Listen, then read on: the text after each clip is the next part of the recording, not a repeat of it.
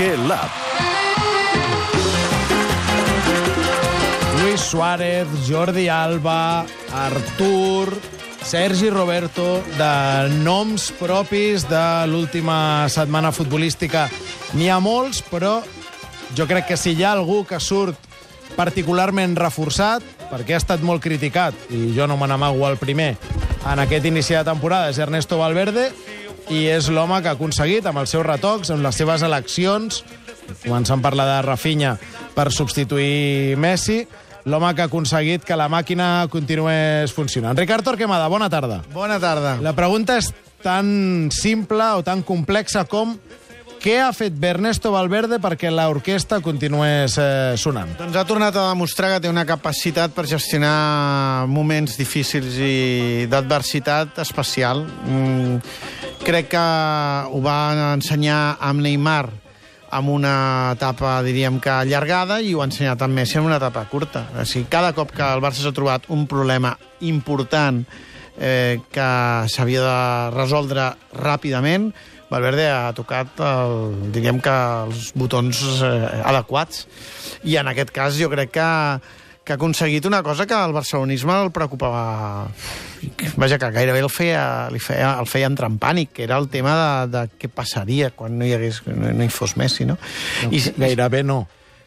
Estàvem en pànic pensant que venien l'Inter i el Madrid i no hi era Messi, no Correcte. ens enganyem. Sí, és veritat que l'últim precedent, l'últim exemple, era el dia que va descansar Messi contra l'Atlètic Club de Bilbao i l'equip aquell mm. dia no se'n va sortir. Sí, sí jo, jo crec que aquell dia l'equip sabia que Messi hi era. Clar, eh, encara que Messi no jugava. Que aquesta és la clau, que, que ells s'han de mentalitzar que no hi serà ni apareixerà Correcte. més tard. O sigui, aquella figura és tan gran i genera tanta tanta intimidació, eh, intimidació positiva, de dir, bé, que tenim una referència que ens aixopluga, ens protegeix, mm -hmm. i tenim el, el, el, gran el germà gran, no? Sí, sí. El, prim, el primo de... de, de, de... Fumosol. Això. És un paraigua, és un paraigua a nivell al que no ha pogut entrar a tram a, a l'avió, a l'Air Force One. Exacte. No, no, és, és enorme i no hi cap. I aleshores els jugadors això els condiciona tant que quan, eh, quan juguen i el veuen, moltes decisions ja no les prenen amb la llibertat que les prendrien no vol dir que Messi els hi resti llibertat, vol dir que els jugadors eh, es, es limiten. És que la millor opció sempre és donar-li a Messi. Clar. I, i ho dic, això, això humanament clar, és comprensible. Ho dic en passiva perquè si no sembla que Messi sigui un problema, i Messi és una benedicció.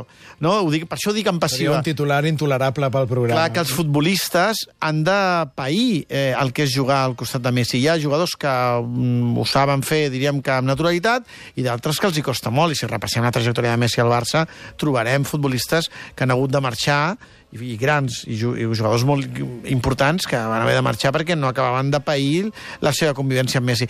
Jo crec que, que el que va fer Valverde és, és, és convèncer els futbolistes d'alguna manera sense grans eh, discursos ni atacs d'importància, perquè Valverde en això és exemplar, que mm, mireu-vos, mireu a una banda, mireu a l'altra, sou vosaltres, les decisions les heu de prendre vosaltres, la responsabilitat l'heu d'assumir vosaltres, hem de corregir el que, el que no tenim i, sobretot, hem d'aprofitar també que no hi és Messi. Com?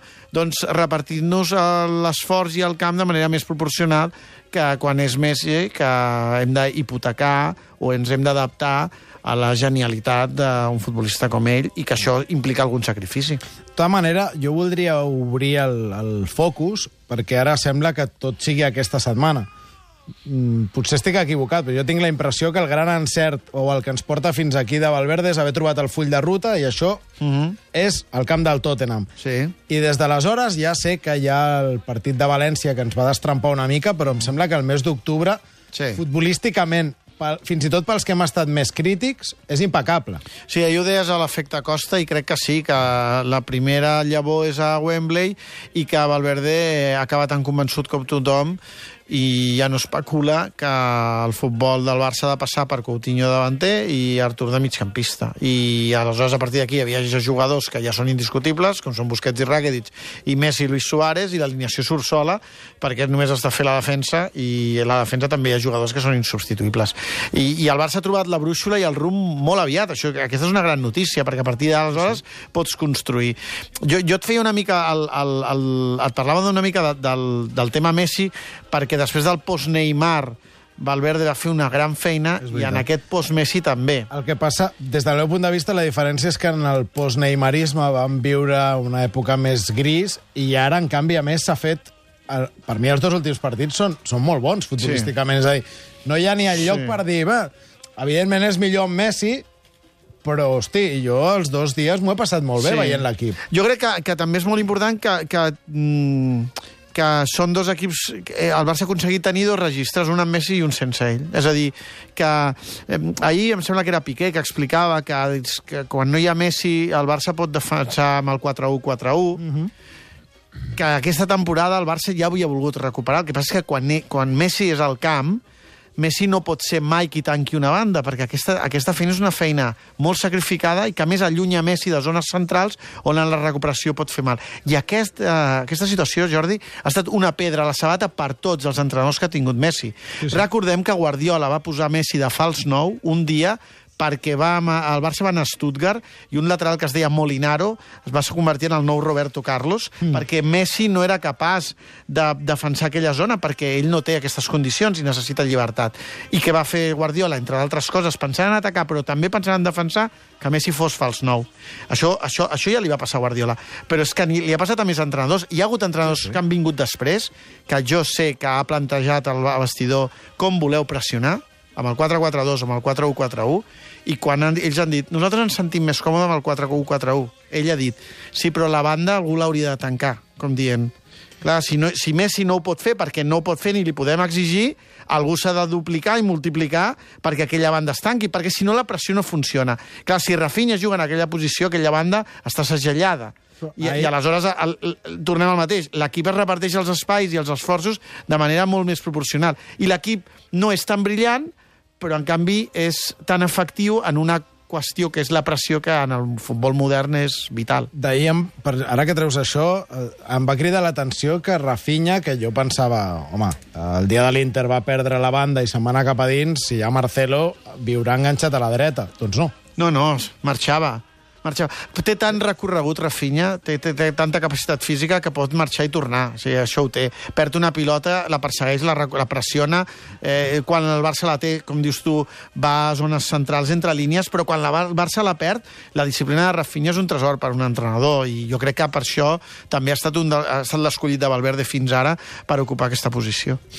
Doncs Ernesto Valverde, el gran triomfador, o un dels grans Sí, triomfadors... deixa'm afegir sobre Valverde, perdona, per, i acabo, el, el treball amb Dembélé i Arturo Vidal, que són treballs desagraïts, mm. que no han estat fàcils, que han aixecat polseguera, però que ha acabat de, la, la setmana amb Dembélé i Arturo Vidal fabricant el 5 a 1, cosa que de cop i volta mentalment a Arturo Vidal i a Dembélé els torna a situar en dinàmica.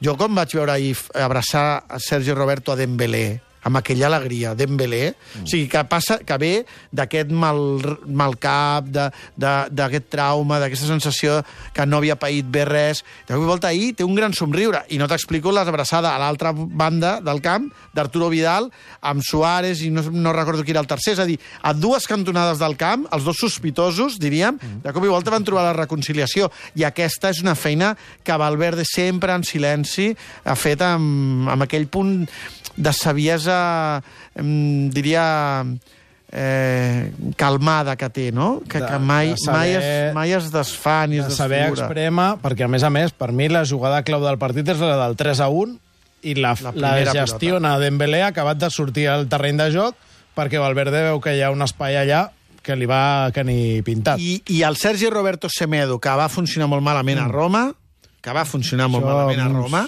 Val, ahir, ahir, Ahir- t'ho- ahir t'ho compro, Sí, però saps per què t'ho dic, Jordi? Perquè... Ja, ja, perquè l'any passat ho vam centrar tot Correcte, en això. i perquè l'escenari tàctic d'ahir, com el de Roma, era d'un equip que anava a pressionar a dalt gairebé com si s'acabés el món, perquè no tenia una altra oportunitat.